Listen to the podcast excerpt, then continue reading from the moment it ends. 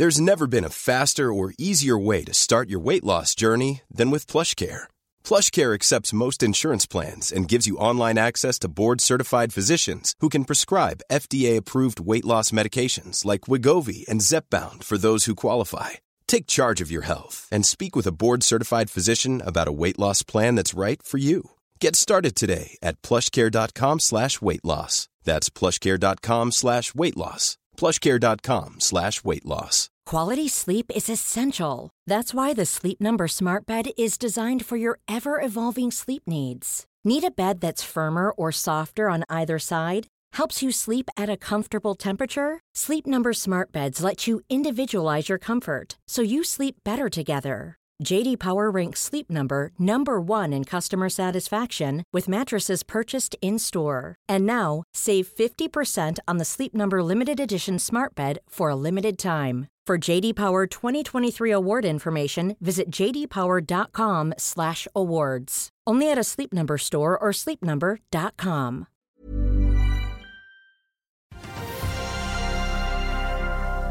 Shipping, shipping, shipping. Det er 2. juni, det er fredag, og det er børsmorgen.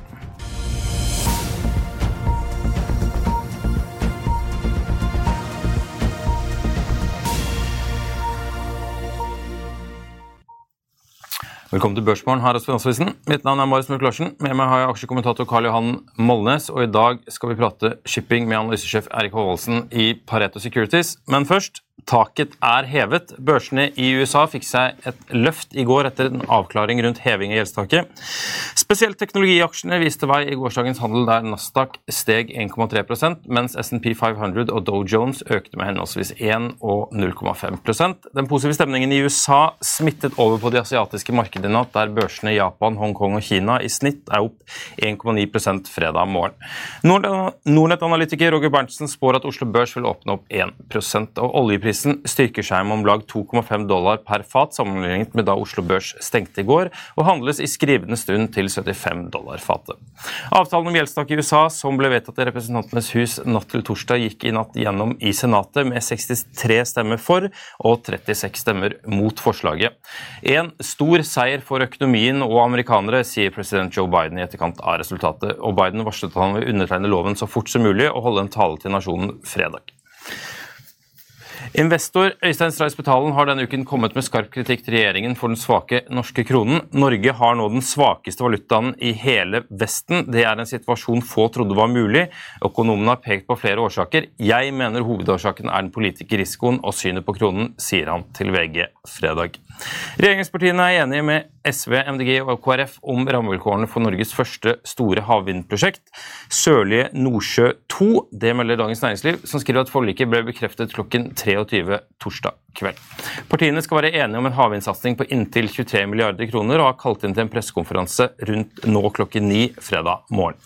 Dagen, og mange vil si månedens viktigste rapport, er arbeidsmarkedsrapporten fra USA, altså kjent som Non-Farm Payrolls. Konsensus peker mot at 190 000 nye jobber ble skapt utenfor jordbrukssektoren i mai, noe som i så fall vil være ned fra overraskende høye 253 000 i april. Ledighetsraten ventes å stige fra 3,4 til 3,5% De amerikanske jobbtallene har for mai, eller De amerikanske jobbtallene for mai kommer i dag klokken 14.30. Her hjemme får vi Nav-tall på registrert ledighet klokken 10. Etter at Arild Wigen Christoffersen onsdag ettermiddag flagget støtte fra 20% av aksjene i Kongsberg Automotive, har 120 nye aksjonærer gitt ham fullmakt. Christoffersen ønsker å velte hele styret på neste ukes generalforsamling. Eh, og det renner inn med fullmakter. Det stopper nok ikke her, sier han til Finansavisen. Sparebank1 Market ser stor oppside i aksjen og jekker opp kursmålet fra 200 til 210 kroner. Nå har jeg tatt ut hvilke aksjer det var, så vi går bare rett videre. Samhellsbyggnadsbolaget i Norden, også kjent som SBB, er i krise, og i midten av mai ble det svenske eiendomsselskapet nedgradert av kredittvurderingsbyrået SNP til søppelstatus. Nå melder Bloomberg at Ilja Bailtan, SBBs grunnlegger og administrerende reiste til London denne uken i håp om å finne investorer som kan redde det som er igjen av hans eiendomsimperium. Aker Solutions og Aker BP har besluttet å forlenge en rammeavtale for levering av underholdsbrønner ut 2020. 2028. Kontrakten var i utgangspunktet gyldig i åtte år, fra juni 2016. Avtalen omfatter bistand til Aker BP i form av forstudier og utvikling, i tillegg til utvikling, design og tjenester under produktgjennomføringen. Vil du bli oppdatert på det viktigste som har skjedd innen finans og næringsliv? Da er det bare å følge med, for hver morgen er jeg, Marius Lorentzen og aksjekommentator Karl Johan Malnes på plass i studio for å ta tempen på dagens marked i Børsmorgen. Og hver ettermiddag oppsummerer vi alt du trenger å vite i økonominyhetene, og det blir selvfølgelig masse interessante gjester. Klikk deg inn på fa.no-tv, eller søk opp Børsmorgen og Økonominyhetene der du hører på podkast.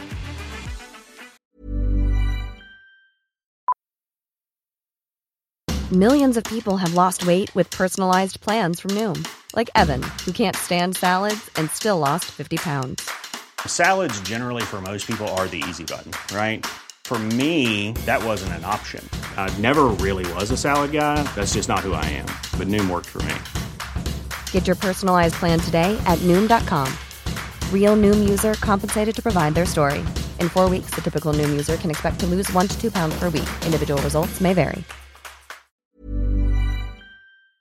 I'll see you in court. Vi sier det ofte litt på spøk, men for deg som driver business, er det aldri moro å innse at du ikke har laget en 100% gyldig kontrakt. Du bør ikke risikere hele firmaet ditt fordi du synes dette med kontrakter er litt stress. En avtale er ikke en avtale. Du kan miste kunder, miste venner, ja, til og med miste inntekter om du ikke lager en skikkelig kontrakt, på alt mulig, egentlig. Men vi vet det er et styr kopimaskiner, tregprinter og haugevis av papir. Dessuten stoler vi jo på folk her i landet. Det er ofte litt kleint å skulle be om en signatur for alt mulig, ja, for mye av styret handler også om jakten på underskriften. Det finnes en enkel måte å løse dette på, Dukkobit, en trygg, effektiv og get this, gratis måte å sikre seg en god natts søvn pluss en juridisk bindende avtale. Dukkobit-appen har de strengeste sikkerhetskrav i bunn, samt en EU-godkjent og sertifisert teknologi. Framover vil det bli behagelig å spørre du, skal vi skrive under på det, eller? Kom i gang på dukkobit.no.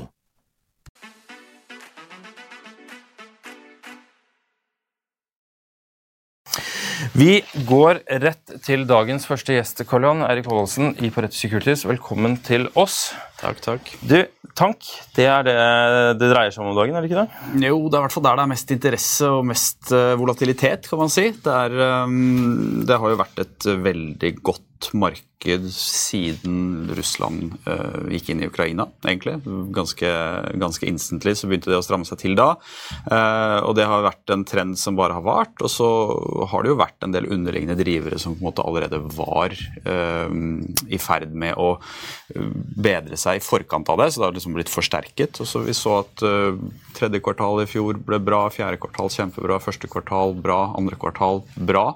Eh, men aksjene nå er det jo mye usikkerhet, da. Og det er jo i første rekke knyttet til oljeetterspørselen globalt. Hva skjer med den? Eh, resesjon, ikke resesjon. Eh, OP-kutt, ikke OP-kutt. Som, som, gjør at akkurat nå, sånn som markedet er, så er ikke liksom investorer villige til å se så veldig mye lenger frem da, enn en neste uke, som, som prises-ting. Um, Eh, og det er jo klart, det bruker vi mye tid på. OPEC-møtet til helgen, eh, hva, hva blir utfallet av det? Eh, egentlig så mener vi at det isolert sett det er liksom ikke så viktig um, om OPEC kutter eller ikke kutter nå. fordi det som er viktig, er underliggende etterspørsel. Hvis den fortsetter, eller hvis den er så svak som noen påstår, da, så, så, så vil jo tank før eller siden da vil det bli lavere volumer uansett om OPEC går ut og kutter nå eller ikke. Um, så så det er uh, Kina. Kjempeusikkerhet. ikke sant? Importtallene for mai kommer til å være sterke. Uh, men, men, uh, men allikevel så ligger det en sånn latent på en måte forundring da, over at kanskje ikke det har vært enda sterkere, i lys av den gjenåpningen alle snakket så lenge om. Um, så, så, men vi tror det skaper mye muligheter, da. Uh, fordi denne usikkerheten gjør jo én ting, og det er at det som alltid dreper shipping, uansett, alltid, er jo bestillinger. Uh, og det fortsetter å være ganske moderat, altså, til tross for at du har veldig gode markeder. I alle andre sykler med den type rater vi nå har hatt i, i, eh, i flere kvartal på rad, så ville du ha fått et kraftig eh, sånn ordrebokrespons. Så det har vi ikke gjort. Hvordan er ordreboken på tank, da? På stortank er den veldig lav. Altså På stortank så er den eh, For, hvis vi kan si for, for ti år siden, da når man snakket om VLCC, så var det liksom, da var det bull hvis det var like mange VL-er som var eldre enn 15, da, som det var i bestilling. Så Ti år siden så var det liksom 70 VL-er i bestilling, 70 VL-er eldre enn 15 år. Uh, nå er det ti ganger så mange uh, VL-er ikke sant, over 15 år som det er i bestilling. Så det er, det er et voldsomt misforhold. Altså Ordreboken på VL er uh, det er sånn tolv skip igjen. Altså det er, det er, liksom der. Det er en flåte på nesten 900. Så, så det, er, det, er, ingenting. Um, uh, 2024 Nå blir det nok litt sånn slippage at ting blir forsinket, men, men, men ellers kan 2024 liksom være første året, i hvert fall Jeg tipper faktisk første året så lenge noen av oss har levd, jeg, hvor det ikke blir levert en eneste VL. Uh, og det er jo ganske, ganske vilt, da. Så det er en underinvestering der som, som, kommer til å gjøre at på et eller annet tidspunkt, da, tror vi Altså ja, at oljeetterspørselen kanskje vokser saktere, kanskje den til og med flater helt ut. Kanskje ikke det blir noe særlig oljeetterspørselvekst hvis vi går inn i en full global resesjon. Kanskje det blir en periode med fall. Men, men den underliggende trenden er jo fortsatt at vi produserer mer og mer olje i Atlanterhavet. Raffineriene bygges i Østen, Midtøsten, Østen. Uh, så du skal jo frakte olje. Du skal frakte liksom, Guyana, Brasil, du skal frakte masse olje fra Atlanterhavet til Asia. Du trenger tankskip, du trenger flere tankskip, ikke færre. Uh, og når du da har så mye gammelt um, og så lite bestilling, så sliter vi med å se liksom, hvorfor dette her skal ikke være veldig bra i 2024 og 2025 også.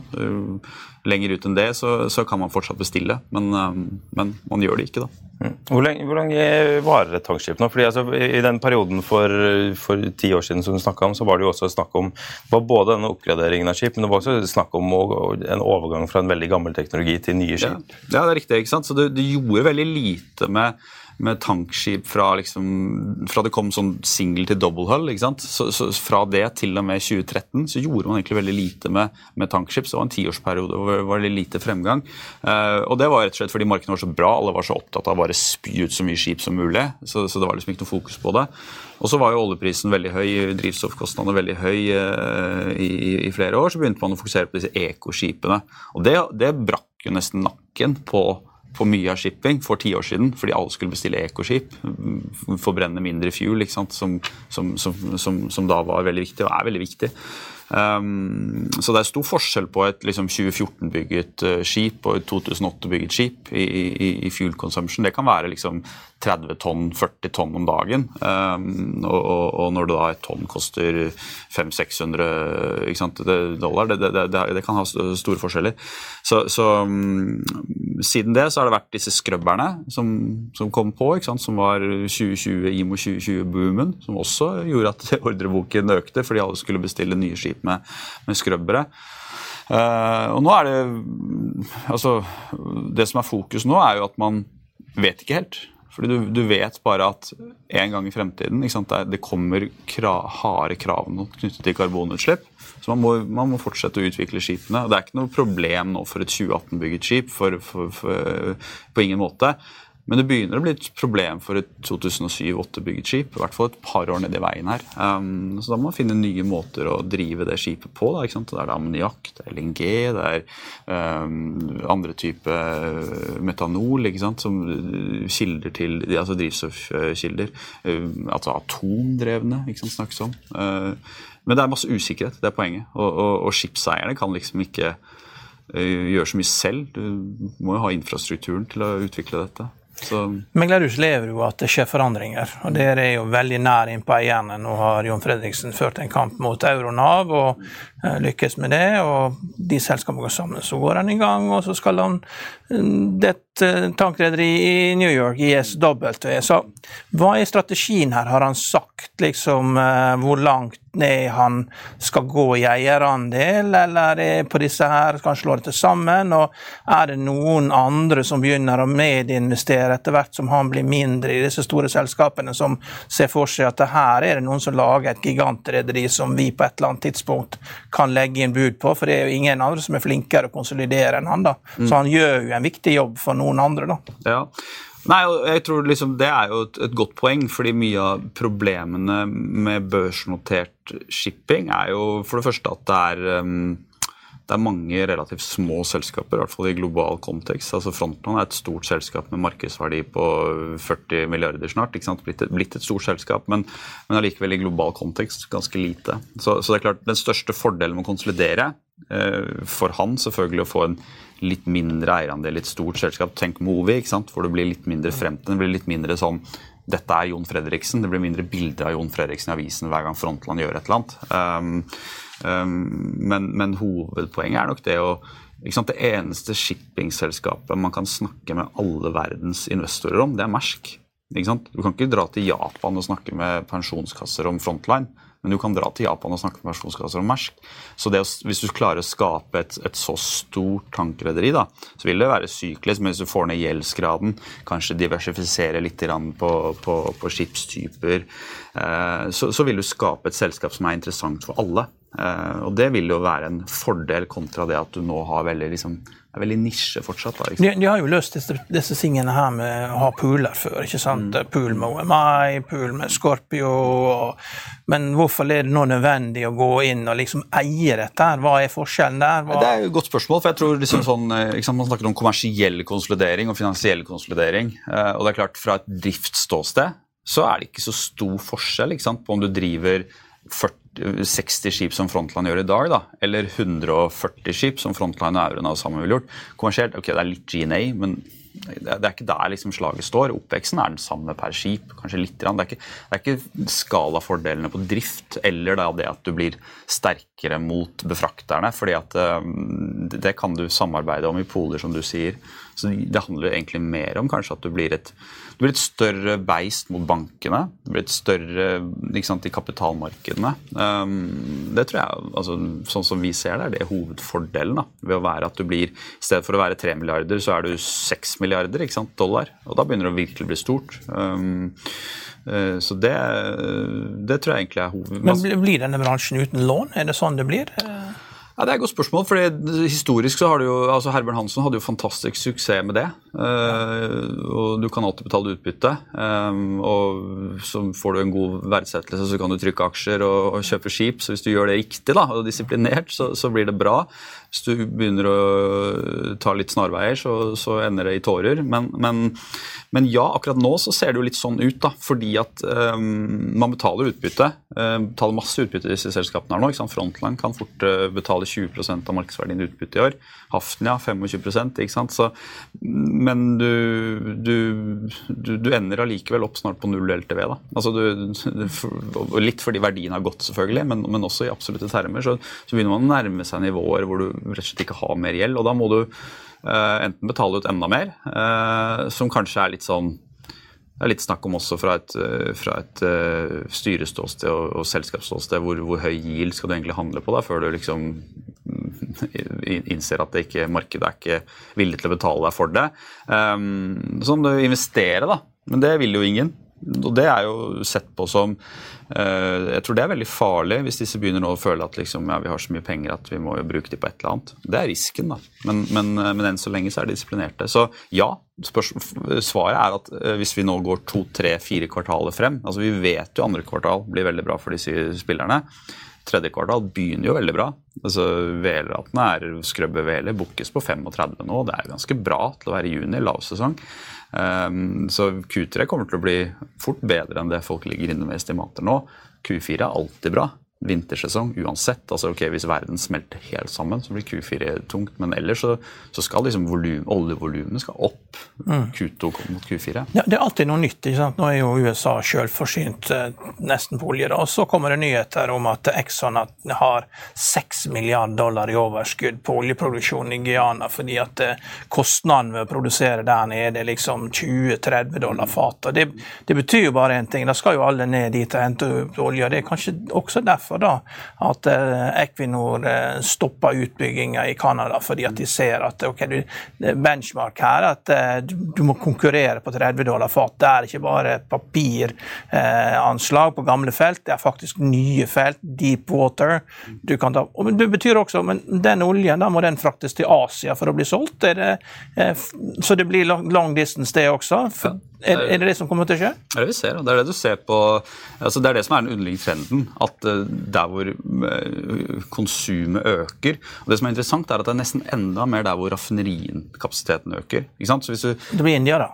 Uh, India, Midtøsten og Kina det er der de bygger raffinerier. Og de raffineriene utkonkurrerer jo de gamle altså Raffineriinfrastrukturen i Europa delvis i USA. I USA så har du så stor fordel, for du har så lav kost og lav liksom, gass bruker du som, som fuel, så du lav kost. Der, selv om de er gamle, så klarer de å konkurrere. Men i Europa så er det jo problemer. Uh, gule vester, liksom Frankrike de, de, de, streiker. De sliter med høye kostnader. Um, så det som skjer, er at raffinerikapasiteten flytter seg østover. Der bygger de nye, og det er jo Saudi Aramco som har bygd opp fire svære raffinerier. McKinsey har vært nede for å hjelpe dem. Hvordan skal vi ta mer av fortjenesten i hele oljeverdikjeden? Jo, det er å utvikle petrokjemi og raffinerier. Men eh, det som er interessant for tank med det, er at selv om raffineriene eh, bygger seg opp der, så skal du fortsatt konsumere mye i Vesten. Så det som faktisk skjer nå, da, er at du sender olje både fra mm, Brasil, fra USA, fra Nordsjøen. altså Johan Sverdrup-olje går til Korea. Eh, og så sender du produkter tilbake. Det er jo drømmescenario for, for tank. Og, og, Russland har jo bare um, på en måte dratt det der ett steg lenger. Altså det som har skjedd med russerolje, det gikk jo for 18 måneder siden da, så gikk russerolje fra Østersjøen eller fra Svartehavet til et raffineri i Frankrike eller Tyskland eller et raffineri i Italia. Det var liksom tolv dager frem og tilbake. Nå ser vi at eh, mest, nesten all russerolje nå går til India og Kina. Det går på gamle båter. Så, vi, vi, gjorde en sånn case study. så på et, et, et skip Herbjørn Hansson solgte i, 2000, i, 2021 til et indisk selskap som eier tre susmakere. Det er indere som aner ikke Blue et eller annet shipping heter det. Um, de har en Susmax nå som er en gammel nattskute, som plukket opp en, en last i Ustluga i, i, i, Østersjøen i slutten av februar. Så brukte det nesten to måneder på å komme seg til Kina. Kom fram til Kina i midten av april. Og så er det så gammelt. ikke sant? Det er 23 år gammelt. de, de Kineserne vil ikke ha det inn i havnen. For kineserne er faktisk ganske nøye, mye nøyere enn man skal tro på sikkerhet og, og, og, sånn.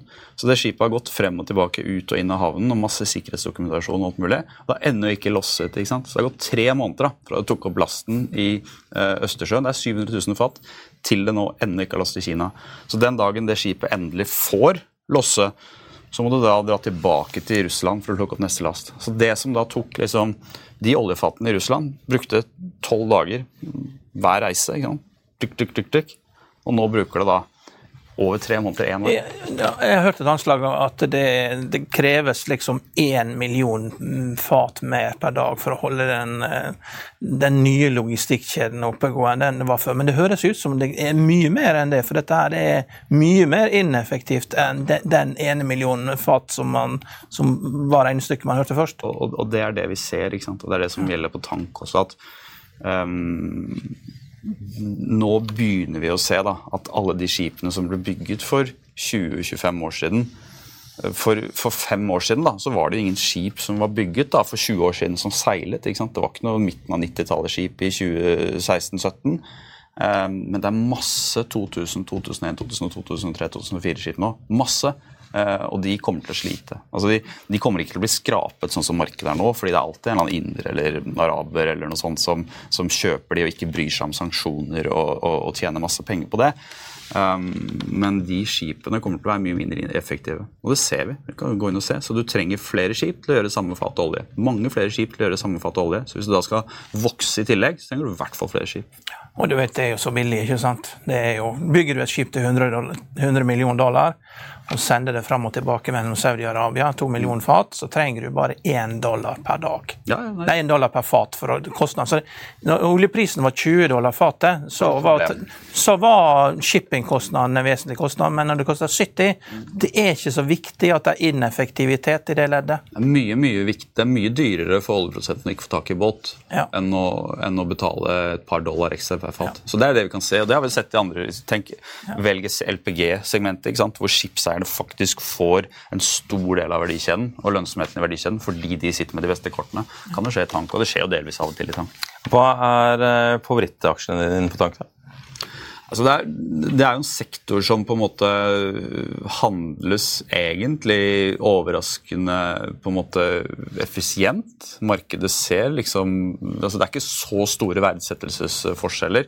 Eh, Men vi syns jo, hvis du ser på, um, hvis du ser på Frontline nå Altså Den handler under Nav. Og så kan du si Naven er høy. Det er ankepunktet, ja, men Naven er høy fordi skipsverdiene er høye. Um, Det er riktig, men samtidig så tjener de jo 5% pluss av den Naven hvert kvartal. De gjorde en inntjening per aksje på 87 cent underliggende i, i Q1. Kommer til å gjøre mer enn det i Q2. Så du tjener over 5 av aksjekursen per kvartal. Så den Naven, hvis du liksom går to, tre, fire kvartaler frem, så bare bygger den og bygger den og bygger den. Og så vet du med Frontline, betaler ut alt har giring. Altså mange liksom Ref snakker om at de blir gjeldfrie. Frontline kommer aldri til å bli gjeldfri. Det, glem det. Han skal ha giring, så da betaler han heller ut ekstra. Så du vet at du får det. Og så har de en fantastisk flåte. De har en helt ny flåte. Um, egentlig nesten alt. Og så har de en fin miks. De har liksom ikke bare VLCC-er, de har susmaksere, de har aframaksere, som gjør det jo helt kanon pga. disse Russland-fatene. Ikke at Frontland tar dem, men, men de får effekt av at det markedet er blitt så sterkt. Så Frontline, eh, vi har et kursmål 240 kroner. Eh, og, og igjen, vi tror konsensus nå forventer at de skal tjene 30 kroner i år. Vi tror det kan bli 40-50 kroner, sånn som ting er. Og, og, det får man i utbytte. Og, og, du kan sove godt om natten med at eh, hovedeier passer, passer veldig på. da. Um, så det er Innenfor råolje så er det, og så liker vi jo veldig godt denne Hafnian, da, som er produkt som er litt mer komplekst, litt mer komplisert å følge med på. Men det er også et selskap som har vært veldig flinke. Så investerte liksom i starten av 2022, kjøpte en svær flåte fra Scorpio. Det er liksom interessant å se hvilke selskaper som må selge på bunn, og hvilke selskaper som faktisk kan kjøpe på bunn. Det er jo Hafnia kunne kjøpe på bunnen ikke sant, og tjent veldig på det. Og betaler ut, kommer til å betale ut 70 av inntjening i utbytte. Eh, 100, ikke sant? Flåte på over 100 skip. Drift, de, de har, I motsetning til de fleste amerikanske noterte, så har de? De betaler ikke et privat selskap for å gjøre driften, som mange av disse grekerselskapene gjør. De har faktisk drift for 100 andre skip som aksjonærene får betalt for. Veldig, veldig solid, godt kvalitetstegn. Um, så De har også alle muligheter nå da, til, å, til å gjøre ting. Um, der har folk vært redde for et amerikansk PE-fond som, som sitter med mye aksjer, som har solgt seg gradvis ned. De begynner å være ferdig snart, ser det ut som. Så Det er Oaktree, det. det er ikke sant? Vi må gå fra tank til uh, bulk, et annet gammelt Fredriksen-segment. Uh, men der går det ikke like bra om dagen. Nei, og det er jo altså um, Man blir livredd for tøllast, egentlig, når man ser på det. Og det er klart, det er sånn i shipping, Når du er livredd for noe, så skal du kanskje kjøpe, eh, som regel. Men, men problemet til tøllast er at for det første er det veldig vanskelig å følge ikke sant? Tøllast er jernmalm og kull, da, eh, stort sett. Eh, Og legger du på korn, så har du liksom over 75 av, av, volumene.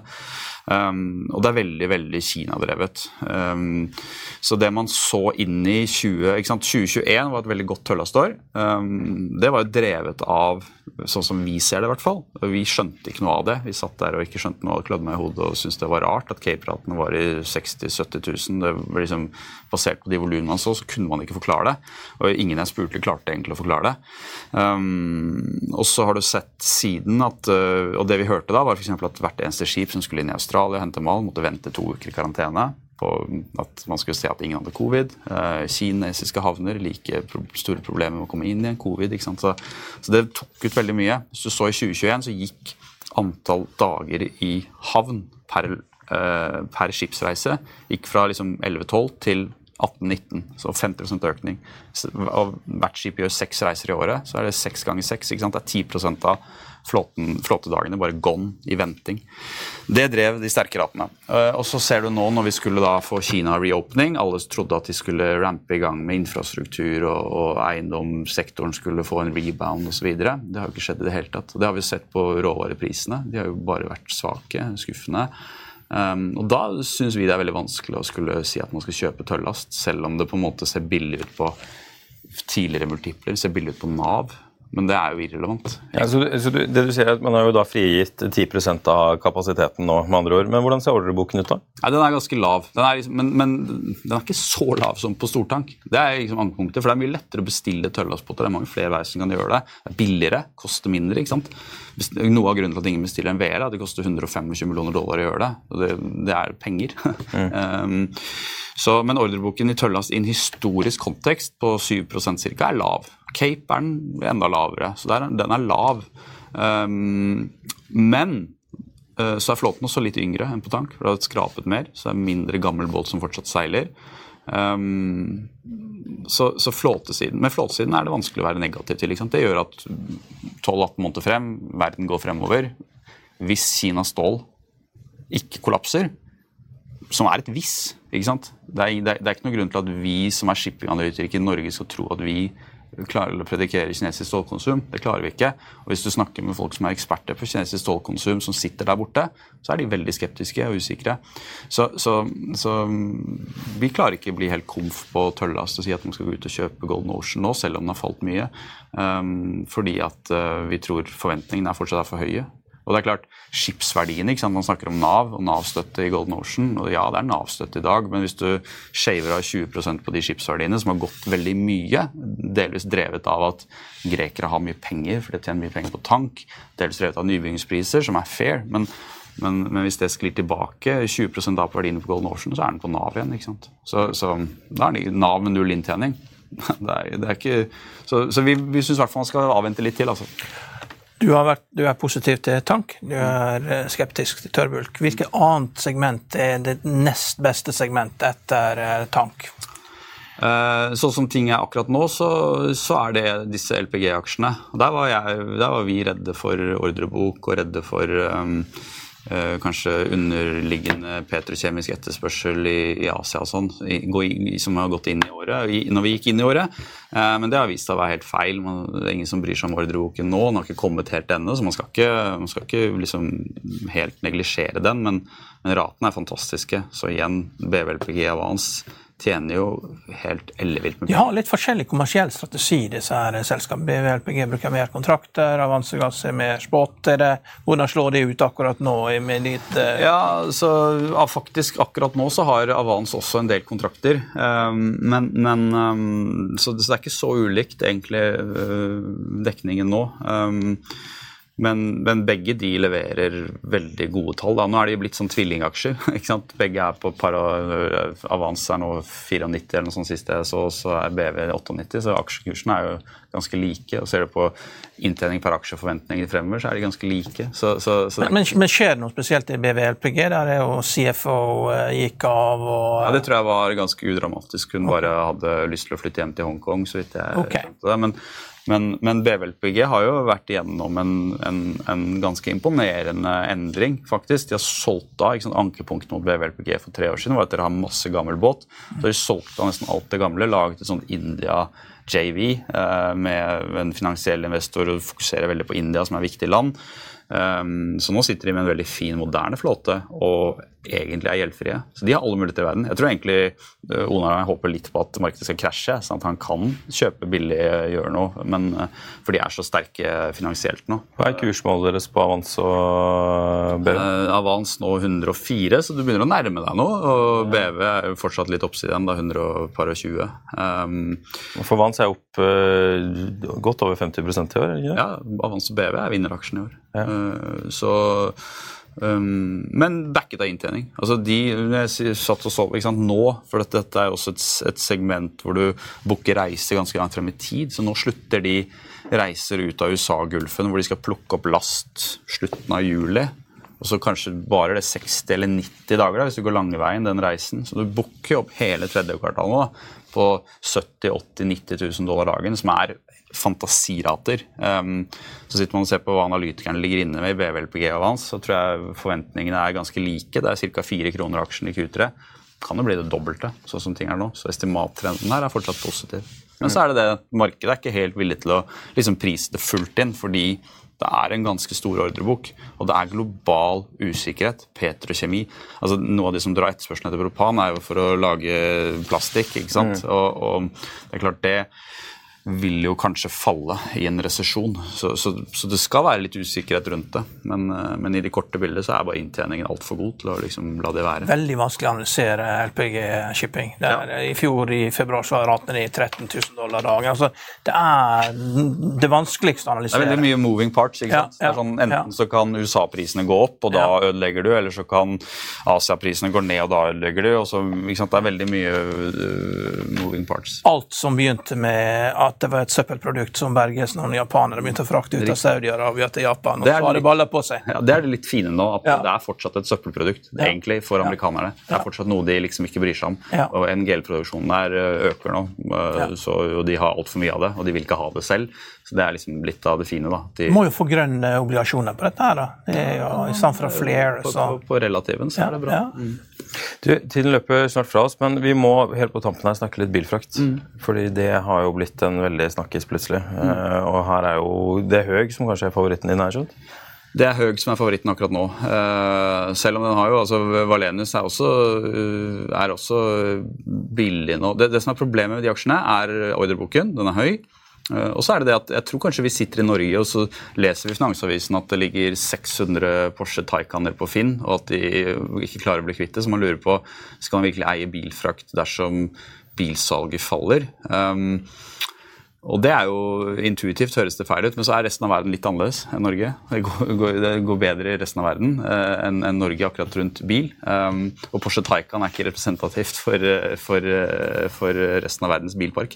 Um, kineserne tar, de skal bare bli verdens største på elbilproduksjon. Det popper opp nye elbilmerker hele tiden. De mm. kjører ut. Det er det som har drevet markedet siste tiden. De har gått fra null elbileksport til å bli verdens største. ikke sant? Um, og um, det har, så har du hatt en flåte også som på en måte ikke har vokst siden 2016-2017. Så du, du, har liksom fått, og det ble, skra, det ble skrapet masse båter under covid. Altså I mars 2020 så trodde folk at uh, aldri skulle trenge en bilbåt igjen. Uh, skrapet masse båter, akkurat som egentlig litt på container. Men, men man overdriver ikke litt troen på hvor mye Kina skal klare å, å ta markedsandeler der, da? I en, i en resesjon og en litt sånn dyrtid? Jo, øh, jeg tror kanskje noen gjør det.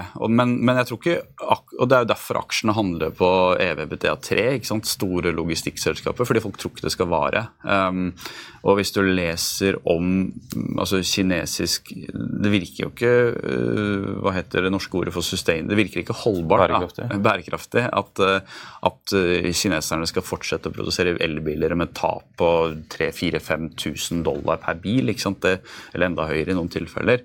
Så, så, men samtidig så har Kina vært irrasjonelle sånn da, mange ganger før, så du vet jo ikke hvor lenge det kan vare. Um, men, um, men, poenget er at de bilaksjene, hvis du ser på Ta Høg, da. Den handler på 65 kroner ca de kommer til å tjene i år. Og det, igjen, vi er ganske trygge på det. Vi vet hva de gjorde i Q1. Vi er ganske trygge, De kommer med månedsrapporter. Nå kommer det sikkert en månedsrapport for mai ganske snart.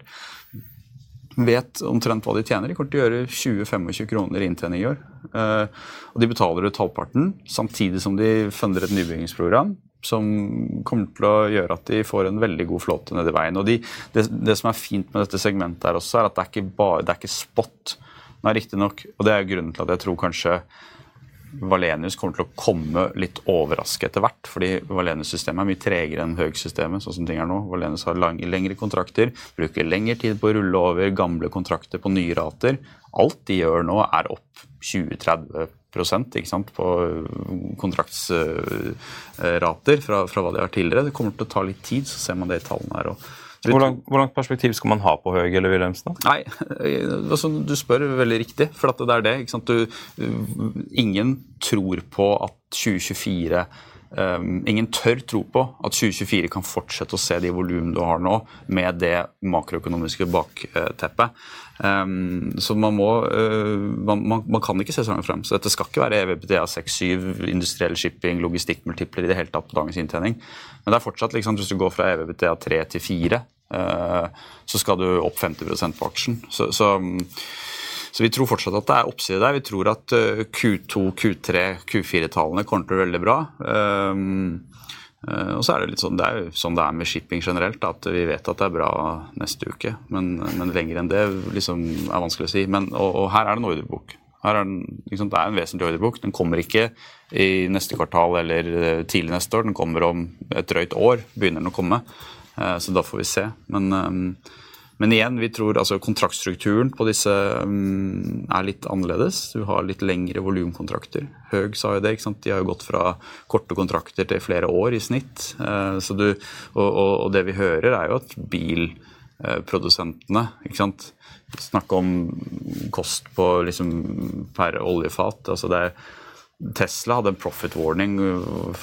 Markedsverdien falt vel med 60 milliarder eller noe sånt, eh, fordi de ikke basically klarte å håndtere logistikken ut av Kina. Så, så det er klart, bil skal, altså båt skal du ha. Du skal få ut de bilene du klarer å produsere. Men Høg, eh, altså Wilhelmsen har jo sine issues med at de ikke ønsker å ha så høy verdi på aksjene. Men mm. Høg også har en veldig unik strategi. At de selger aksjer, og så kjøper de det tilbake og tar av børs enda billigere.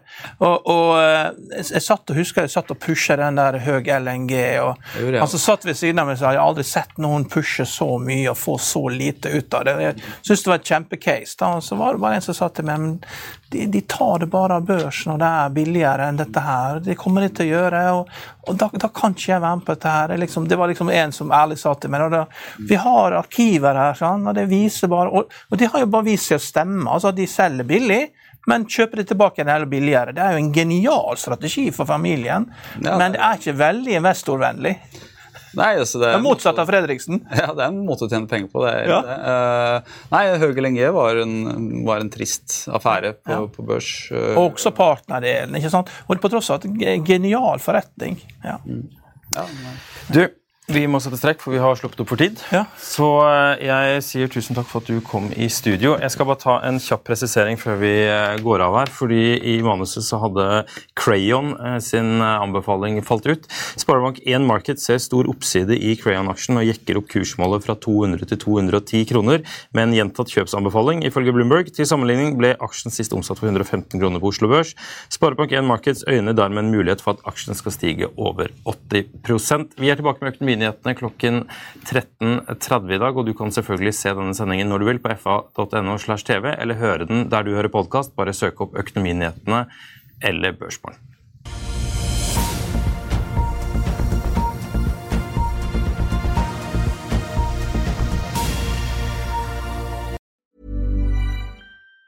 Even on a budget, quality is non-negotiable. That's why Quince is the place to score high-end essentials at 50 to 80% less than similar brands. Get your hands on buttery soft cashmere sweaters from just 60 bucks, Italian leather jackets, and so much more.